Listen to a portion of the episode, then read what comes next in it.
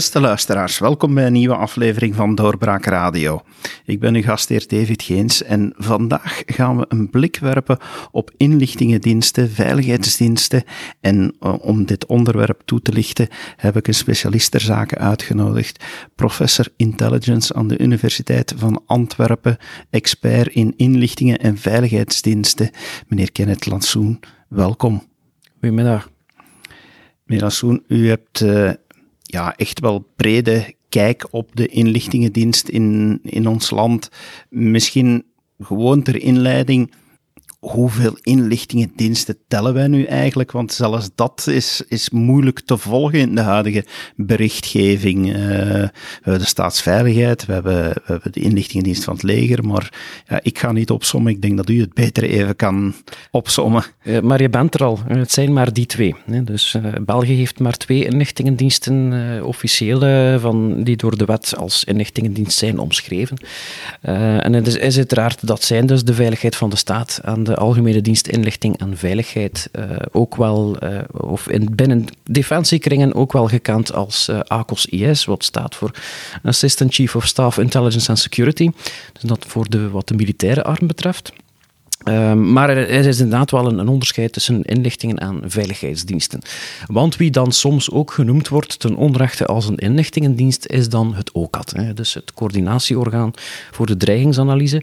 Maar um, het OCAT is dus eigenlijk, ja, dient beschouwd te worden als een veiligheidsdienst, omdat die natuurlijk niet zelf aan inlichtingenwerk doet. Het OCAT wordt alleen maar gevoed vanuit de andere ondersteunende diensten, zoals de inlichtingendiensten, zoals de politie um, en uh, de andere partners die uh, die informatie aanleveren.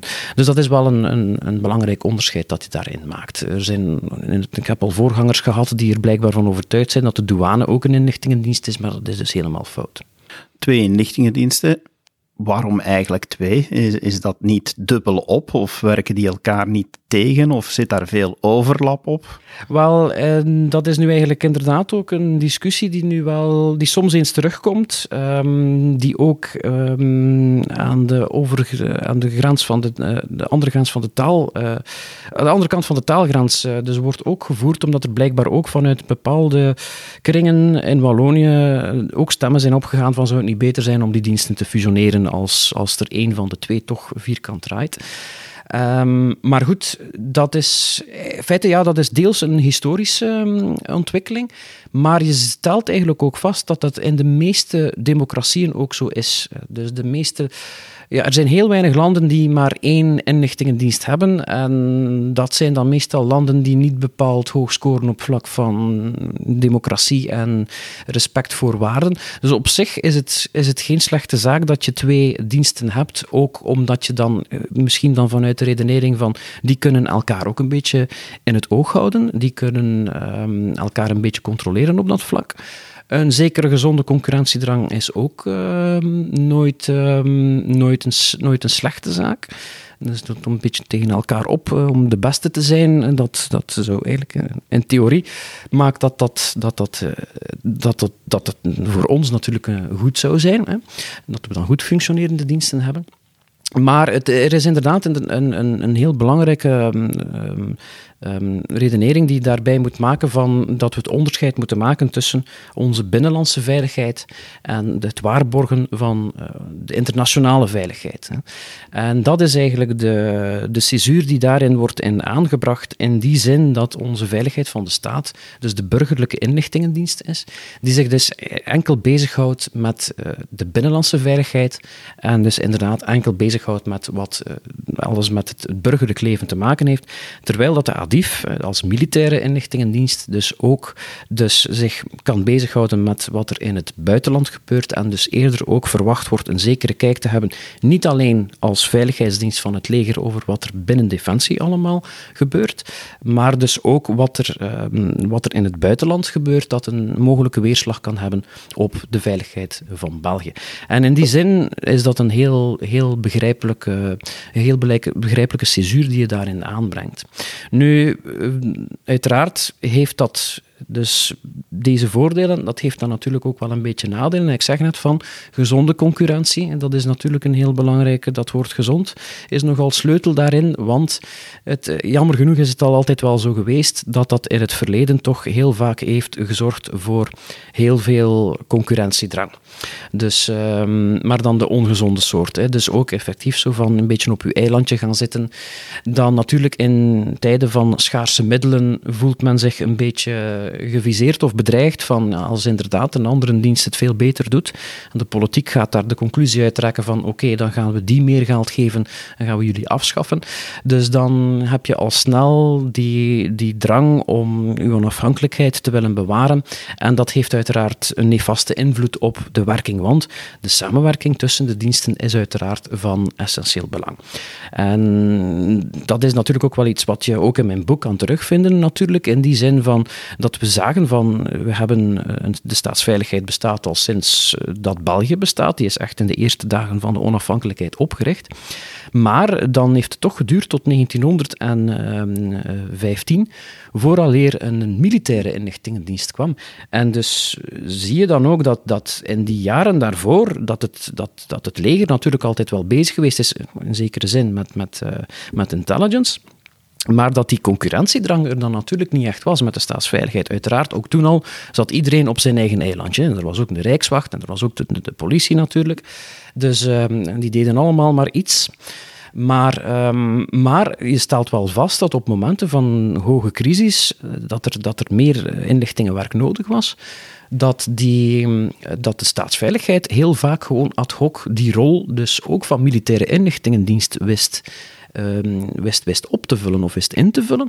Een, ja, er zijn daar een aantal voorbeelden van, eh, van, van in de 19e eeuw. Dus in 1848, toen um, Karl Marx hier een republikeinse samenzwering had geïnspireerd om hier een socialistisch regime te kunnen um, te installeren dat ondersteund werd door het eh, revolutionair regime in Frankrijk, dat daar ook bepaalde revolutionairen voor had eh, bewapend en die op een trein hadden gezet om dus effectief België dus gewapend binnen te vallen. Dus dan stellen we vast dat uiteraard eh, het Belgisch leger daarop moest reageren en de inlichtingenfunctie is in die zin dan wel waargenomen door de, de staatsveiligheid, die dus wist te vertellen van oké, ze gaan daar komen in het zeer toepasselijk genaamde gehuchtje nabij Moeskroen Riscon toe. Dus um, en daar hebben ze ook perfect opgewacht. En dan hebben ze nog een aantal leuke listen uh, weten, weten te verzinnen door de trein iets verder te laten rijden, gewoon recht in de armen van het Belgisch leger, om die, om die revolutionairen de, pas af te snijden. Dus, um, en dan is dat nog eens gebeurd in 1870, toen er hier ook een, een groot crisisklimaat was, door omwille van de oorlog tussen Frankrijk en Pruisen, hè, de, de, voorloper van, van het huidige Duitsland. Um, omdat natuurlijk de vrees zeer groot was dat de neutraliteit van België niet gerespecteerd zou worden. Maar ja, dan was het inderdaad ook Leopold II die zei van ja, dan zouden we dan toch misschien enigszins proberen om daar voorkennis van te hebben of dat de een of de ander of alle twee en misschien van plan is om België binnen te vallen. En toen kwam men dan uiteraard tot de vaststelling van ja, we hebben die capaciteit eigenlijk niet.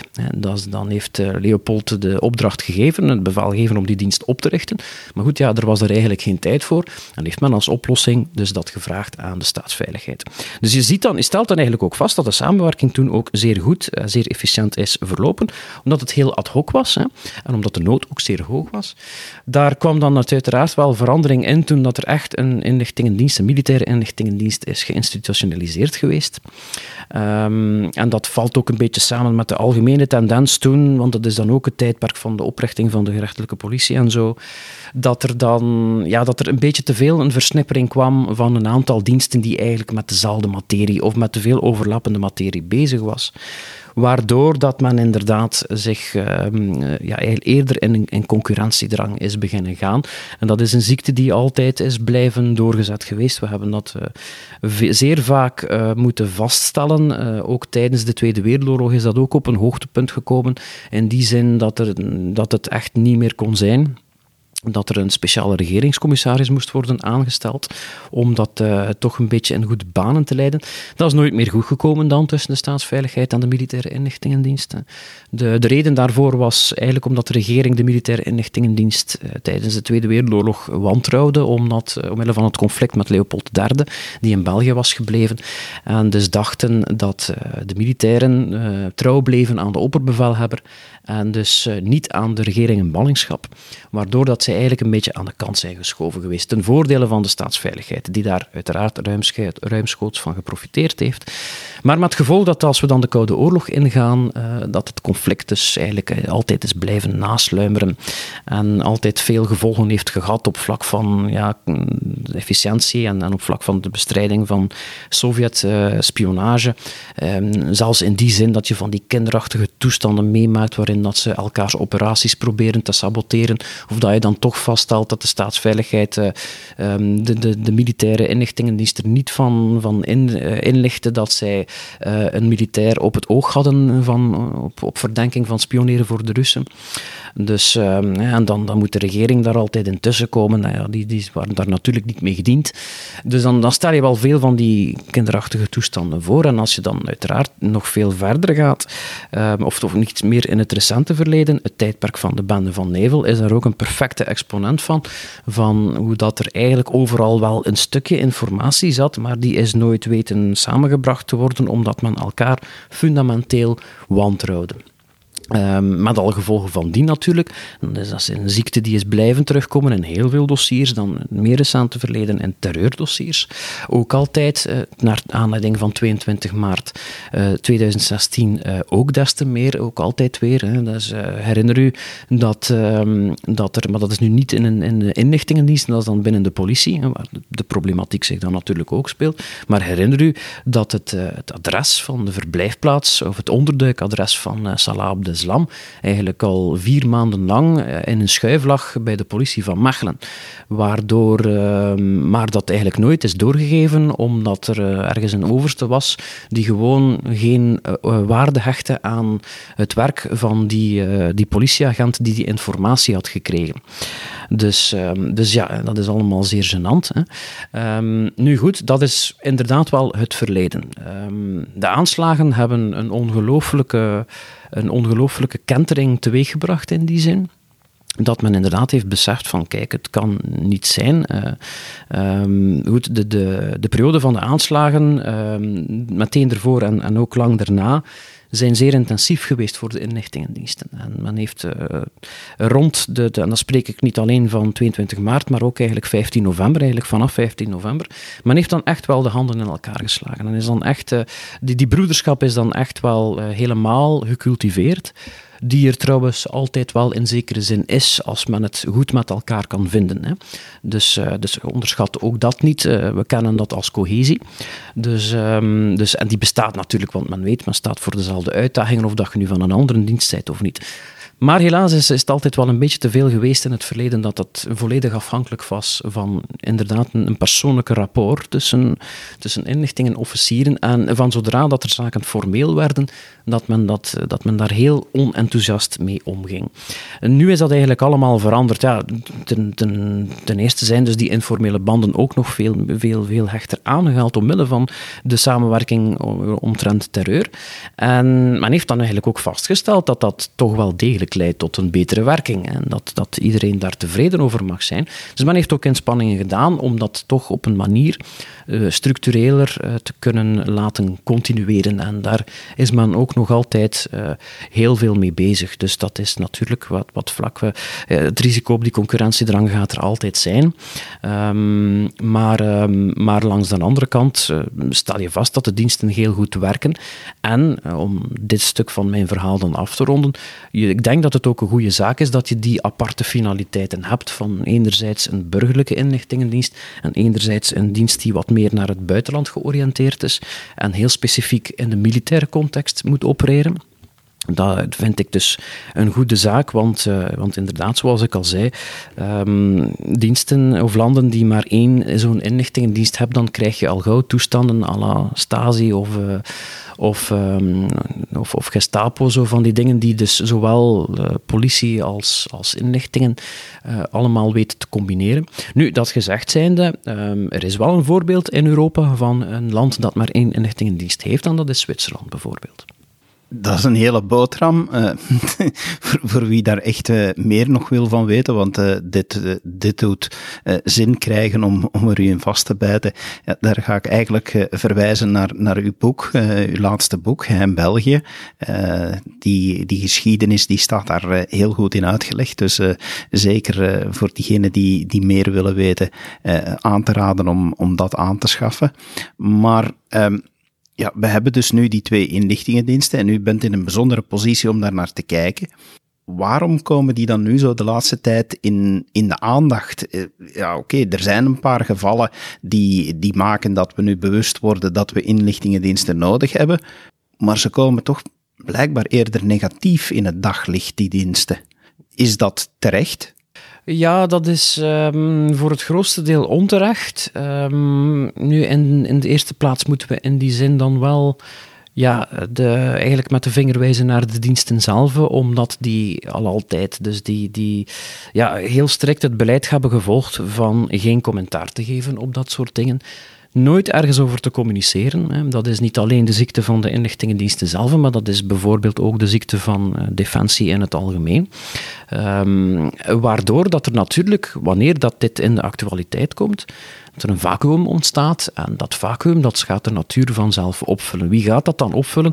Dat zijn dan inderdaad de journalisten die al dan niet eh, wat eerder de sensationalistische uh, tour gaan opgaan met het proberen invullen van wat ze er al dan niet over weten over, over het geval in kwestie. En in het ergste geval gaat, dat, gaat dat vacuüm worden opgevuld door iemand die er helemaal niks van weet.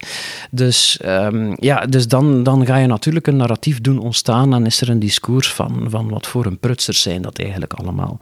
Um, dat is natuurlijk een beetje, uh, dat is heel jammer, want ja, het zijn de diensten zelf die het best geplaatst zijn om bepaalde problematieken te duiden of inderdaad te kunnen de context te schetsen van wat is er nu precies misgelopen en waarom is dat nu misgelopen. Um, en dat is natuurlijk ook, ja, in, in, zeker in België is dat, is dat altijd al een, een heikel punt geweest, omdat we eigenlijk nog nooit, ja, natuurlijk uh, nog nooit, nog nooit veel te hebben waar we dan trots over mogen zijn als het over onze inlichtingendiensten gaat. Nu, ik heb met mijn onderzoek geprobeerd om daar toch dat beeld een beetje bij te stellen, dat ze toch uiteindelijk eigenlijk wel, eh, zeker op die lange termijn, eh, bijna 200 jaar nu toch al, eigenlijk toch redelijk goed uh, gepresteerd hebben op het, op het veilig houden van, van het land en zijn burgers. Hè. Um, buiten die omstandigheden waar je natuurlijk uh, gewoon wordt ingehaald door de feiten. Uh, een invasie van de Duitsers, daar had je met de beste inlichtingendiensten ter wereld nog altijd niet te veel aan kunnen veranderen. Hè. Dat is natuurlijk ook een belangrijk ding om daar mee te geven. Maar anderzijds, inderdaad, ehm, dat is natuurlijk iets, iets wat, wat gewoon historisch zo gegroeid is. Ook alweer, inlichtingendiensten zijn per definitie altijd, ehm, ja, proberen hun werk uiteraard altijd geheim houden. En dat is een eeuwige probleem, dat hun successen in het, eh, in het geheim eh, worden eh, gehouden, terwijl dat hun, hun falen natuurlijk in het lang en in het breed in de pers wordt uitgesmeerd. Waardoor dat er een vertekend beeld ontstaat, alsof dat die diensten, je hoort daar alleen maar van als er iets verkeerd loopt. Hè. Je hoort het nooit wanneer het wel goed gaat. Hè. Bijvoorbeeld na 22 maart ehm, hebben we dan, eh, zijn er zeker al meer dan tien aanslagen verijdeld geweest. Maar daar wordt natuurlijk niet veel over gepraat. Um, ja, omdat dat natuurlijk terecht voor kiest om, om de manier waarop je het succes hebt behaald ook niet in de verf te zetten, want de vijand kan daaruit leren. Dus dat, in die zin is dat natuurlijk een terechte, een terechte bekommernis. Maar langs de andere kant uh, ja, zal er, denk ik dat er toch echt wel die kentering gemaakt moet worden. En ik hoop dat, dat wat er nu in de actualiteit speelt met alles wat is misgelopen rond uh, het geval van, van uh, Jurgen Konings, dat, dat men daar inderdaad die conclusie kan hebben van kijk, het wordt toch tijd dat je dat platform een beetje gaat reclaimen en dat we er zelf over kunnen kunnen communiceren en contextualiseren waarom dat de problematiek is wat ze is.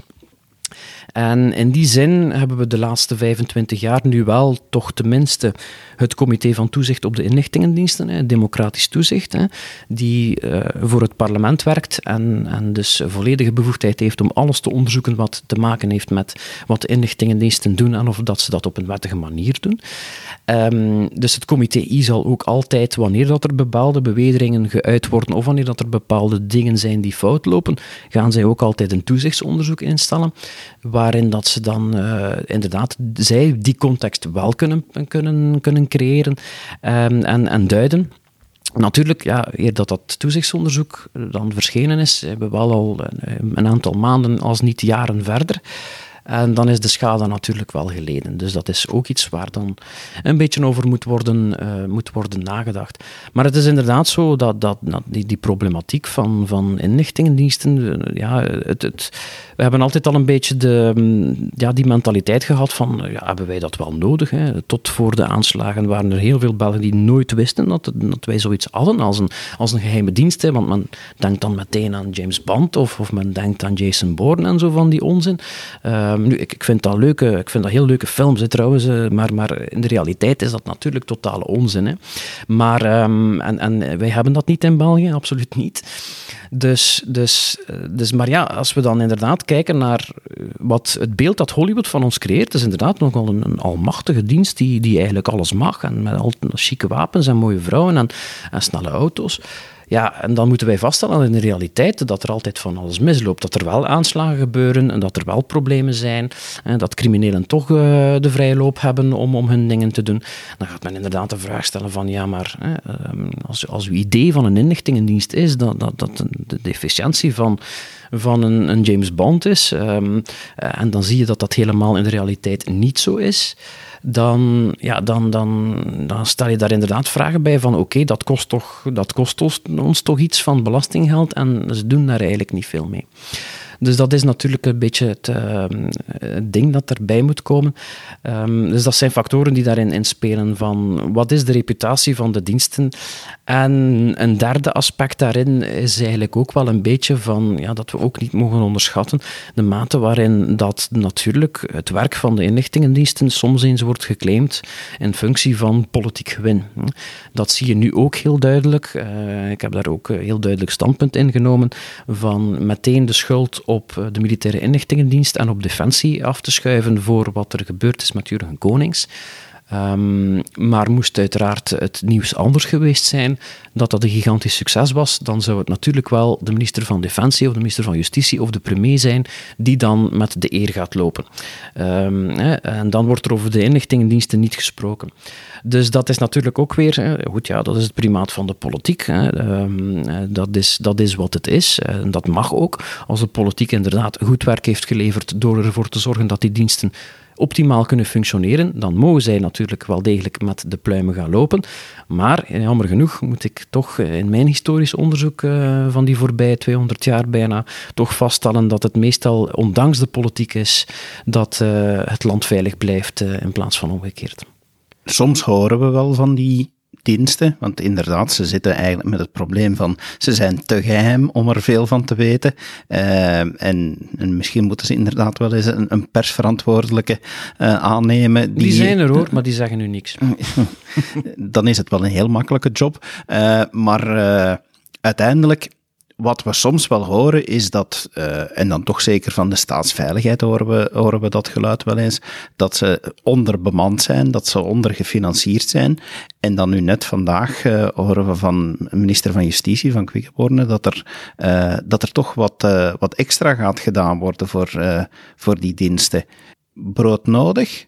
Absoluut, eindelijk. Het werd echt wel eens tijd. Um, en dat dat ook, um, voor zover ik heb begrepen, dat het ook structureel is, dat is heel erg belangrijk. Want uh, ja, de diensten zijn in de afgelopen jaren wel op een bepaalde manier versterkt geweest qua personeel. Maar dat was altijd wel met tijdelijke middelen die dan heel specifiek ook voor de terreurbestrijding waren. Maar de staatsveiligheid is ook nog met andere problematieken bezig.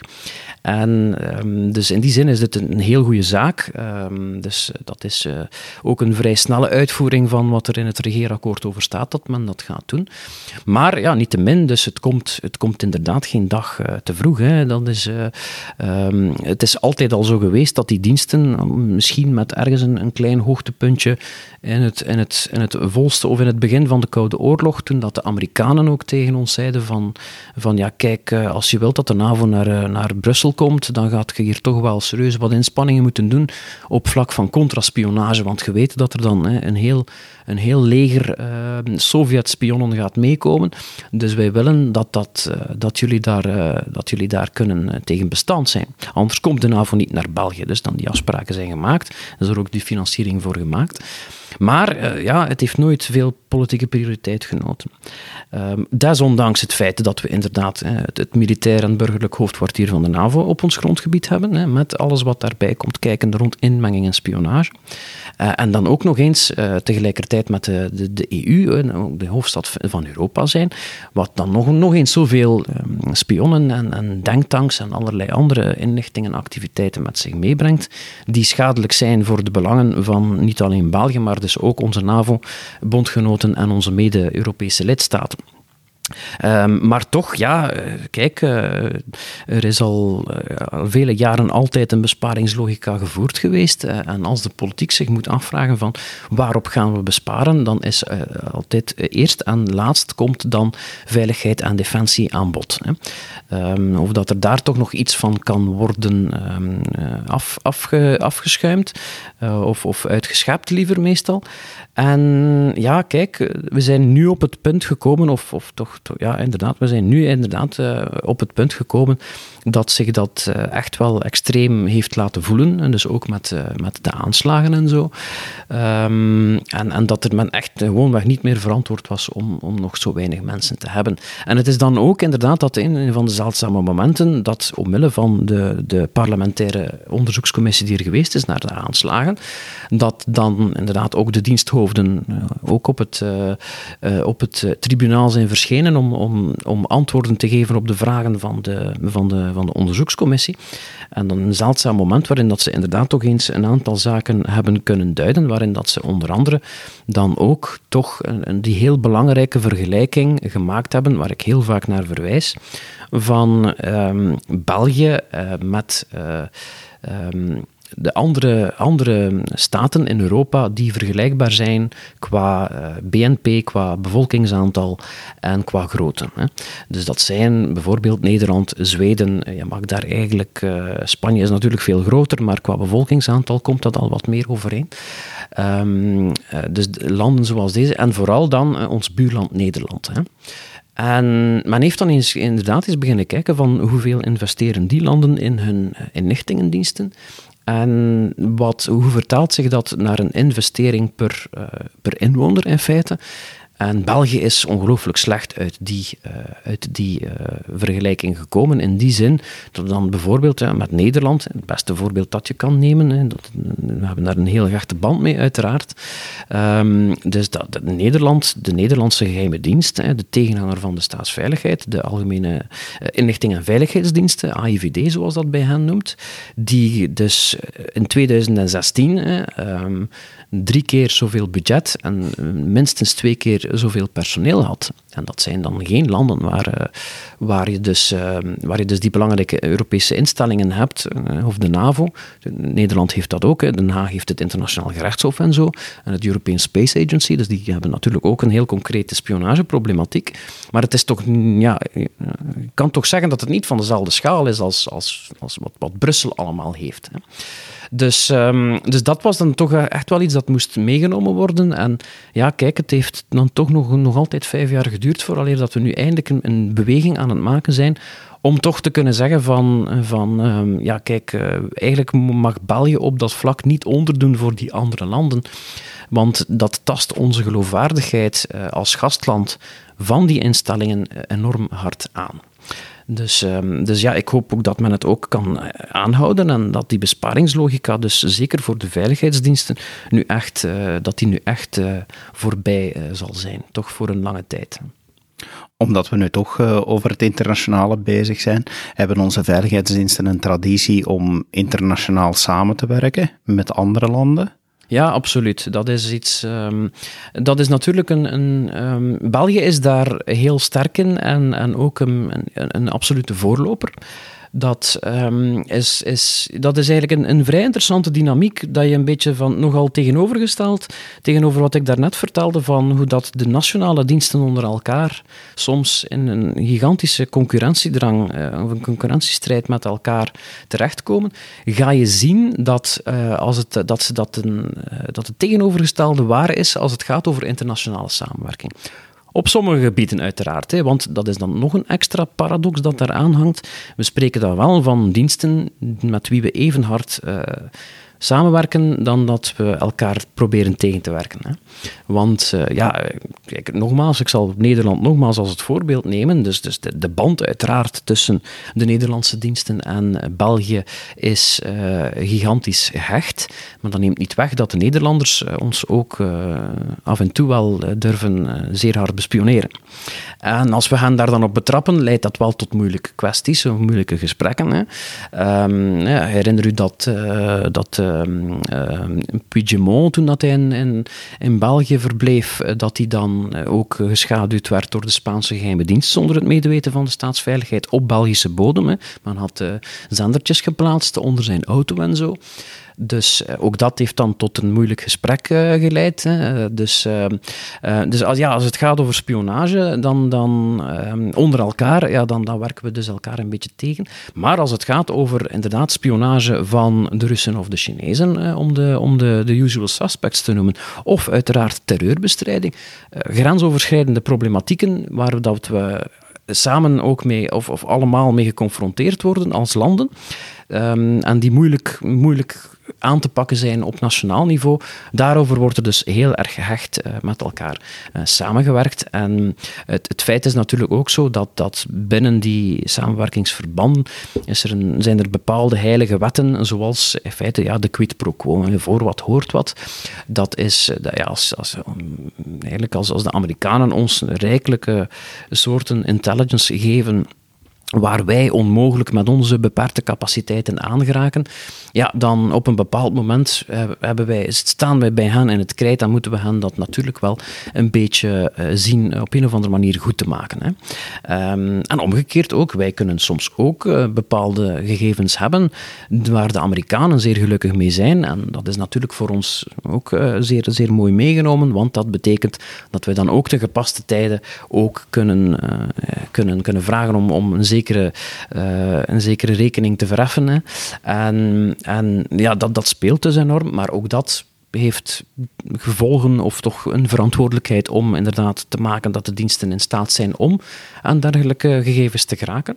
Maar, um, maar ja, daarbuiten zijn er dus zowel informeel als heel uh, formele um, samenwerkingsverbanden die er bestaan. Uh, er zijn fora zoals het meest bekende is de Club van Bern. Dat is de vergadering, een informele vergadering van de diensthoofden van de burgerlijke inlichtingendiensten van alle Europese lidstaten. Die um, om, de twee, om de zes maanden komen die samen om dan eventjes bepaalde zaken eh, te bespreken. Dat is niet echt voor de uitwisseling van gegevens, maar er zijn er wel platformen die daar ook informeel onder geregeld zijn, waarin dat, dat dan wel gebeurt. Ook de EU doet op dat vlak bepaalde inspanningen. Die hebben een, institutionele um, inlichtingendienst ook, dat noemt EU-INSAN, dat dus ook de, de lidstaten van de EU dus ook uh, verbindt. Um, en, en dat eigenlijk ook een beetje de bedoeling is dat die gevoed worden door de inlichtingendiensten van die respectievelijke landen, om daar zelf dan op Europees vlak analyse rond te gaan doen. Dus dat, dat zijn zaken die er bestaan. Ja, het, meest, uh, het meest befaamde uh, inlichtingen uh, samenwerkingsverband of bondgenootschap, want dat bestaat dan ook weer, is uiteraard de Five Eyes. Hè, dat uh, dus door de Amerikanen geleid wordt, samen met de Britten, Nieuw-Zeeland, Australië en Canada. Um, dat een heel, heel hechte en heel intensieve bondgenootschap is, waar dat ze eigenlijk, ja, zoals we dus weten, dankzij Edward Snowden, eigenlijk de wereld aan het afluisteren zijn.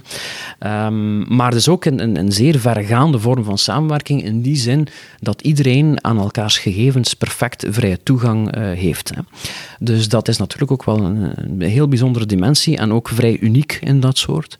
Want ja, er zijn toch heel veel beperkingen op die, op die internationale samenwerking.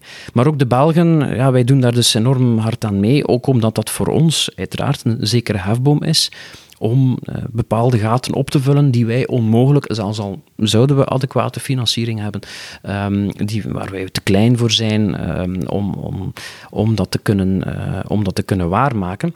Dus wij hebben daar heel veel bij te winnen. Vandaar dat, we daar, dat, dat België daar dus ook enorm hard op, op inzet. En dat is ook al een heel oude traditie. Als we nu kijken naar onze inlichtingendiensten, dan kan ik aannemen, en zeker als we kijken naar de toekomst, dat de uitdagingen enorm veranderd zijn met alles waar we het woord cyber kunnen voor plaatsen, dat, uh, dat verandert toch, toch heel veel, denk ik. Ik denk dat uh, hun opdracht en hun manier van werken de afgelopen vijf à tien jaar een, een hele omwenteling heeft, heeft gekend. Uh, zijn onze inlichtingendiensten daarmee, met, in vergelijking met de rest van de wereld, kunnen wij op cybergebied meedraaien? Ja, wel, eh, dat is natuurlijk een, een, Ook daar is er wel een inhaalbeweging voor nodig. Want dat is ook weer een kwestie van uh, middelen en mensen om dat te doen. Er, zijn, er spelen daar toch wel een aantal negatieve factoren in die zin. Um, wat niet wegneemt dat er effectief wel dat er toch uh, inspanningen gedaan worden. Hè. Dus dat, dat, is, dat is zeker waar. Dus wij, ja, de, de, de cyberverdediging van België op vlak van intelligence zit bij de militaire inlichtingendienst, bij de ADIF. Hè. Die heeft dus een cybercommando. Hè. Um, ja, dat, is, dat bestaat ondertussen uit 100 mensen. Dat zou eigenlijk ook moeten verdubbelen. Men is daar ook mee bezig. Dat heeft natuurlijk wel een aantal. Uh, ja, dat is een beetje uitdagend, want ja, goed, uh, dat zijn overheidsfuncties. Hè. Dat zijn militairen, dan wel burgerbarema's. En uh, zoals een oud zeer is binnen de. zeker binnen de ambtenarij, is dat, dat de lonen, dat de verloning absoluut niet marktconform is. Hè. of niet concurrentieel is, ik zal het zo zeggen. Dus wat er natuurlijk toe leidt um, dat, dat het moeilijk is om, om die profielen ook te vinden. En alsof dat dat nog niet genoeg is, een ander oud zeer, um, is uiteraard ook dat je ja, ook bepaalde geëikte recruteringsprocedures hebt van vooral de federale overheid, waar dat er eigenlijk irrelevante generieke proeven worden, uh, moeten worden afgelegd om te kunnen meedoen aan de relevante stages van uw vacature die eigenlijk um, zeer goed zijn inderdaad om bepaalde profielen te weten uh, te vinden, die uh, nuttig zijn voor uh, het, de algemene ideale ambtenaar, hè, om het zo te noemen, maar als het dan gaat over heel specifieke, gespecialiseerde uh, functies, dat het dan heel moeilijk wordt om dat, dat aan te vullen. Dat men dus inderdaad, zeker in de zin van de, het, het, het, het oprichten van een cybercommando, dat, dat uh, de ADIF moest vaststellen dat de gewenste profielen, uh, dan spreken we echt wel over, over fantastische hackers en zo, dat die dus eigenlijk allemaal geweerd werden door CELOR, het recruteringsbureau van de overheid, waar Omdat zij niet voor die generieke proeven slaagden. Dus dan is dan toch wel even de vraag gekomen van ja, in welke mate is dat nu relevant? Hè? Dus men heeft daar ondertussen in de voorbije jaren ook alweer inspanningen gedaan om daar toch, toch zekere zin tegemoet te komen. Um, maar nu blijft natuurlijk nog altijd de kwestie van dat die mensen niet lang blijven als ze al komen, omdat het natuurlijk uh, veel aantrekkelijker is uh, op de private markt, omdat die uh, er echt wel gigantische bedragen tegen smijten. Wat betekent dat we er natuurlijk op dat vlak niet al te goed voor staan. Um, los van de gigantische inspanningen die wel degelijk gedaan worden bij de ADIF, bij het CCB, bij het CERT, al die instanties die er zijn. En dat dat ook eh, heel competente mensen zijn, eh, die we dankbaar mogen zijn, dat ze voor hun karige verloning dus uh, die dingen voor ons willen doen. Um, maar, um, maar ja, dat is natuurlijk op feit van. Rond cyber heb je ook een aantal meerdere dimensies als je het spreekt van, van cyber intelligence. Je hebt eerder, er zijn eigenlijk twee vormen daarvan. Je hebt eerder op het strategisch niveau dat je gaat nadenken van wat zijn inderdaad de internationale veiligheidsimplicaties van uh, cyber. Hè. Um, ja, nu dat we steeds meer geconnecteerd worden, 5G gaat er komen, dan gaat werkelijk alles, hè, van uw grasmachine tot uw frigo, tot uw babyfoon, gaat allemaal in de cloud uh, geconnecteerd zijn. Uh, uw auto gaat vanzelf kunnen rijden en zo van die zaken. Dus uiteraard mm, doen er dan nachtmerriescenario's op van wat als iemand uw, uw auto gaat, gaat hacken en, en met u van een, van een afgrond rijdt of als uw grasmachine over u gaat rijden. Um, dus dat, dat, dat zijn natuurlijk een beetje de, de kwesties die daarbij spelen, van, omdat we ook weten dat er statelijke actoren zijn. Hè. Er zijn landen die heel actief bezig zijn met het ontwikkelen van echte cyberwapens. Hè. Om dat soort hackings te kunnen doen, om kritieke infrastructuur te kunnen aanvallen, uh, om inderdaad uh, ja, defensiemachten die, die, die, digitaliseerd zijn, om die dan uh, te handicaperen in het geval van een conflict. En dan moeten we ons inderdaad beginnen afvragen van, ja, wat, wat zal dat met zich meebrengen? Hè? Wie gaat er dan, wat, wat, wat, wat heeft dat voor invloed op de machtsverhoudingen? Dus dat is dat strategisch niveau. Dan heb je natuurlijk ook nog iets, een belangrijke nuance, dat cyber threat intelligence heet. Dus dat is dan echt de dreigingsanalyse. En dat gaat inderdaad over technische, uh, de, technische aspecten van oké, wat voor malware is er, hè? wat voor virussen zijn er, hoe werken die, wie ontwikkelt die, wie maakt die, uh, wie, wie zit er eigenlijk achter die cyberaanvallen um, en wat kunnen we daar, uh, daartegen doen. Dus dat, dat, is al, dat, dat, dat gaat al helemaal in het, in het technische. Dus daar, dat, zijn, dat, is, dat is een heel uitdagende materie, ehm, ehm, omdat dat natuurlijk continu evolueert, dat is continu aan het moderniseren. Dat betekent natuurlijk ook dat, dat, dat je als staat, om een deftige cyberdefensie te doen, dat je dan ook eh, telkens moet zien dat je mee bent en idealiter zelfs die ontwikkelingen voor bent. Um, ja, dat is ook weer helaas iets waar België helemaal niet over nadenkt en ook niet bereid is momenteel om daar de financiële inspanningen voor te leveren als je nogmaals de vergelijking maakt met andere landen, zoals, uh, zoals Nederland alweer, uh, maar ook ja, de, de Britten, dus de, de Fransen, uh, de Duitsers. Ja, je moet maar kijken. Ehm, er bestaat nu zoiets als de Cyberpower Index, hè, die dus volgens bepaalde parameters bepaalt van hoe machtig dat een land is op vlak van cyber. dus uiteraard staan de Amerikanen van boven hè, en dan sta, heb je China en Rusland. Um, en dan uh, denk ik op plaats 4 of 5 uh, staat Nederland. Hè. Dus die zijn, er echt wel, die zijn daar dus echt wel uh, heel hard mee bezig om daar aan mee te doen. Um, en dat hebben ze ook al gedaan. Hè. Het, befaamde Stuxnet-verhaal, waarbij dat, dat er een, een, um, een, virus is ingeplant in de nucleaire faciliteiten van Iran. Dat, daar is iets wat, wat de Nederlanders hebben mee aan de code hebben geschreven. Hè. Dus... en dat is natuurlijk op, op vlak van, van, van het offensieve, maar als je dan kijkt naar het defensieve, moet je dat dan eigenlijk ook weten te doen. Dus ook op dat vlak zijn er veel inspanningen nodig. Want je komt inderdaad niet toe door een keer even uh, voor vijf jaar een ICT-investering te doen. Dus uh, je moet continu mee zijn met die digitalisering, je moet continu mee zijn met al de ontwikkelingen die er zijn. En ja, tegen de tijd dat je, dat je, dat, hebben dat ondertussen zelf al in ons dagelijks leven, tegen de tijd dat je een nieuwe iPhone hebt gekocht, is er al een andere op de markt en is je product al gedateerd. Dus dat, dat gaat dan nog veel, veel sneller in, in deze sectoren. Dus dat maakt het allemaal niet gemakkelijk. Ongelooflijk boeiend allemaal. Uh, ik denk dat we uren zouden kunnen praten hierover, uh, maar spijt genoeg hebben we die tijd niet. Laat ons hopen dat alles sinds deze podcast niet gehakt wordt of door de inlichtingendiensten uh, wordt van het net gehaald. Uh, en voor diegenen die willen solliciteren bij die diensten en niet voor bij die proeven geraken, kan ik enkel maar aanraden om de database van Sailor te hakken en hun resultaten aan te passen. Ja, maar, voor mij ook graag. Maar ik denk dat we een heel boeiend gesprek hebben gehad. Ik wil u daar hartelijk voor danken, meneer Lassoen. Met heel veel plezier. En uw beste luisteraar, dank u dat u geluisterd hebt. En zoals ik al zei, kijk zeker even naar Geheim België. We zorgen nog voor een link vanuit het artikel. Uh, kan u aanschaffen in onze online boekenhandel. Zeker de moeite om te lezen als u deze zomer nog iets zoekt qua interessante lectuur.